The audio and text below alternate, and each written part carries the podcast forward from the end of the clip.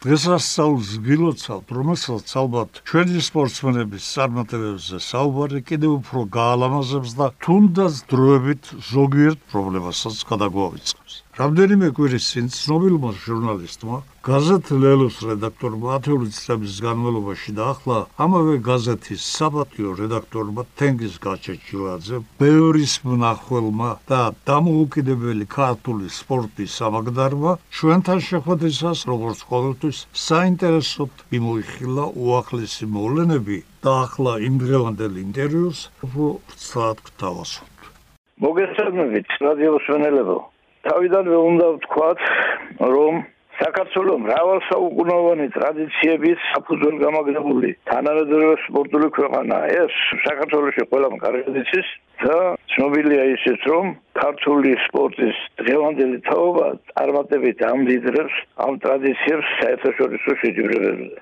საამაყო მიღწევები გვაქვს ყველა ასაკობრივ კატეგორიაში. მოზარდებში, ახალგაზრდებში, დიდებში. თავარი აქ ისაა, რომ უწყვეტია ასაკობრივი მემკვიდრეობითობა.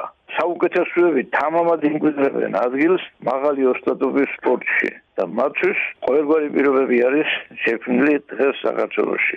როცა თანხმედრაშია ტრადიცია და თანამედროვეობა, ყველა კარგად ხედავს და ხარობს ბოლო ხანებში ჩვენი სპორტსმენების მიღწეული წარმატებებით. სპორტის სათამაშო სახეობებში ყინულის ჰოკეიშიც კი კიდაობებში ძალოსნობაში შერეული საბრძოლო ხელოვნების სპორტში. სპორტის სხვა ოლიმპიურ თუ არაოლიმპიურ სახეობებში.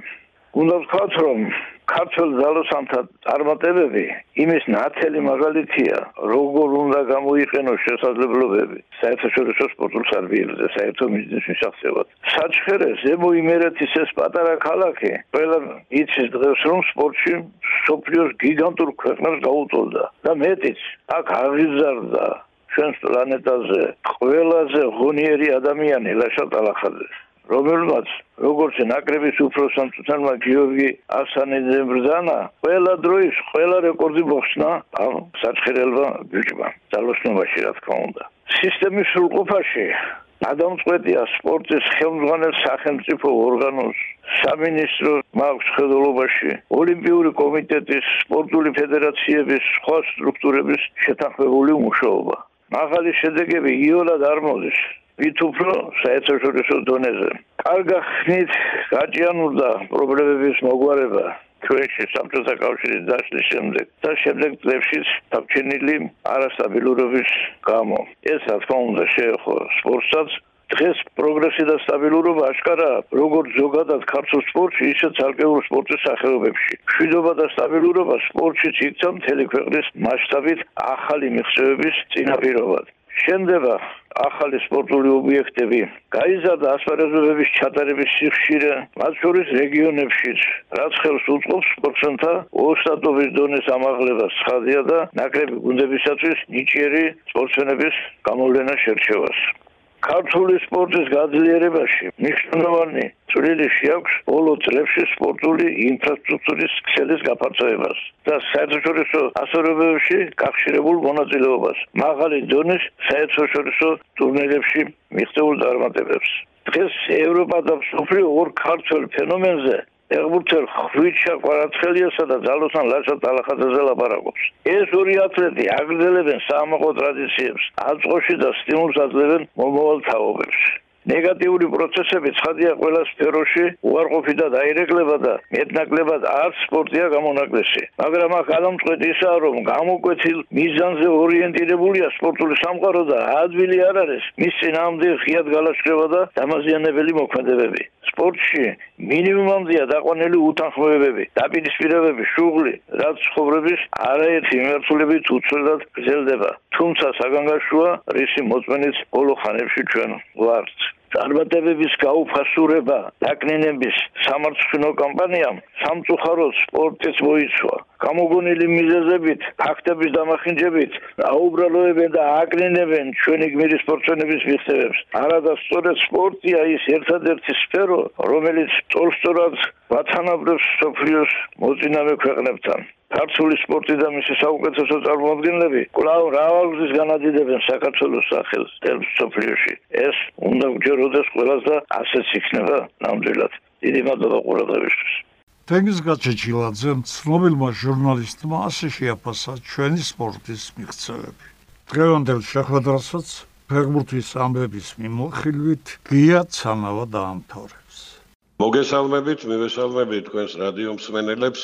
მინდა ვისარგებლო შემთხვევით და საქართველოს დამოუკიდებლობის დღე მივლოცო ყველა ქართველს და არა ქართველს ჩვენს ქვეყანაში ცხოვრებ ადამიანებს, ვისაც ეს ქვეყანა უყვარს და ეს ქვეყანა მიაჩნია თავის სამშობლოდ და ვისურვო, რომ თავისუფლება, დამოუკიდებლობა, ბევრი სიხარული, სპორტული, ცხოვრებისეული, მერთმა ბევრი და ბევრი აჩქოს ჩვენს ხალხს და ჩვენს ერთ. ჩვენ ამას ვიმსახურებთ, ერთხელ კიდევ დილოცავთ ყველას და ულოცავთ სრულიად საქართველოს.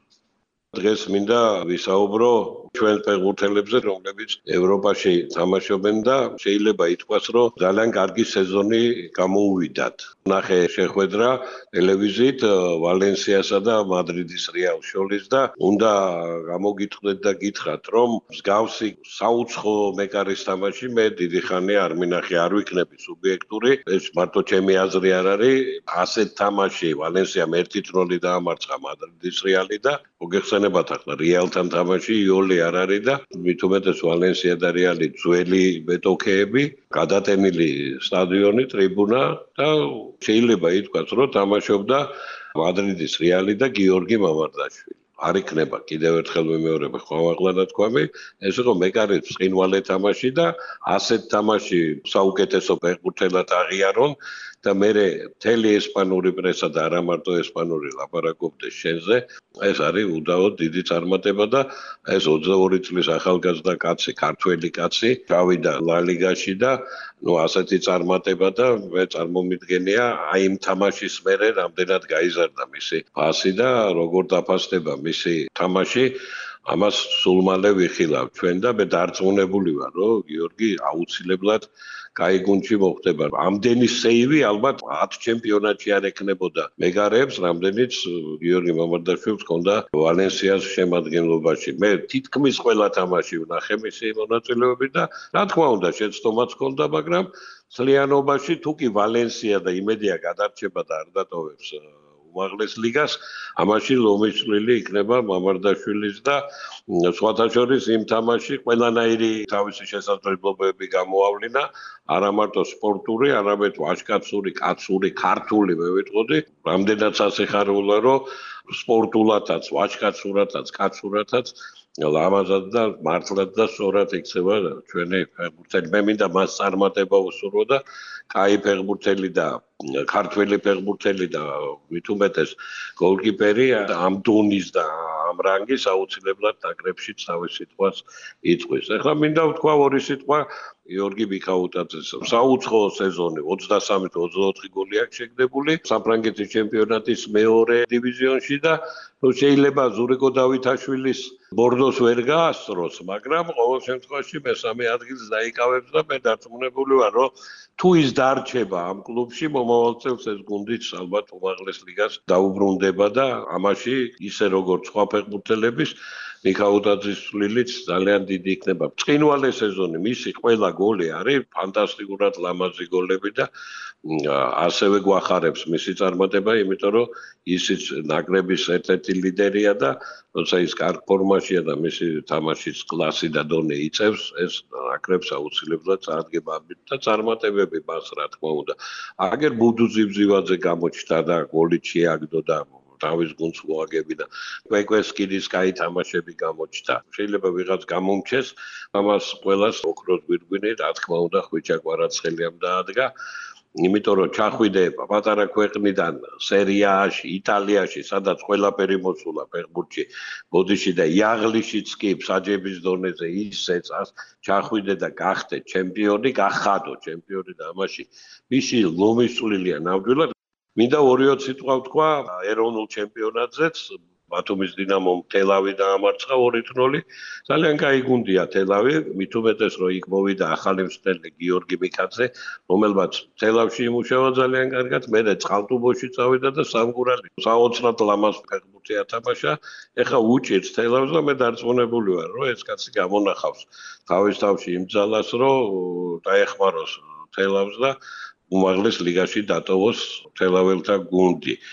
რაც შეეხება ბათუმის დინამოს სიმართლე გითხრა, თამაში ვერ იყო ისეთი როგორი ჩვენ გვინდა და როგორი ჩვენ მიჩვეული ვართ, მაგრამ ნუ ალბათ ბათუმელებიც გამონახავენ თავის თავში ძალას და გვაჩვენებენ იმ ფეხბურთს, რის გულის ვისაც სტადიონი იფსება ხოლმე ბათუმში, მაგრამ ერთ რამესაც მინდა გაუსვა ხაზი, რომ ის რამდენიმე გუნდი, მოხდელობაში ბათუმის დინამო, თბილისის დინამო, საბურთალო, გორის დილა და სამგურალი. აი ეს გუნდები მეორე წრე მალე დასასრულისკენ წავა, აი ისეთი კონკურენცია, ისეთი ბრძოლა, საინტერესო, რომ ესე იგი ვერ მიხვდები ვინ ლიდერია, ვინ აუტსაიდერი, ყველა ყველას გულას არტმებს, ყველა ბოლომდე იბრძვის და ნუ მე ვფიქრობ, რომ ერთ-ერთი ყველაზე საინტერესო ჩემპიონატი გველოდება და მინდა ვისურვო წარმატება ყველა სპორტსმენს ну ფეხბურთელებს თავისთავად ახალგაზრდული ჩემპიონატი იწყება.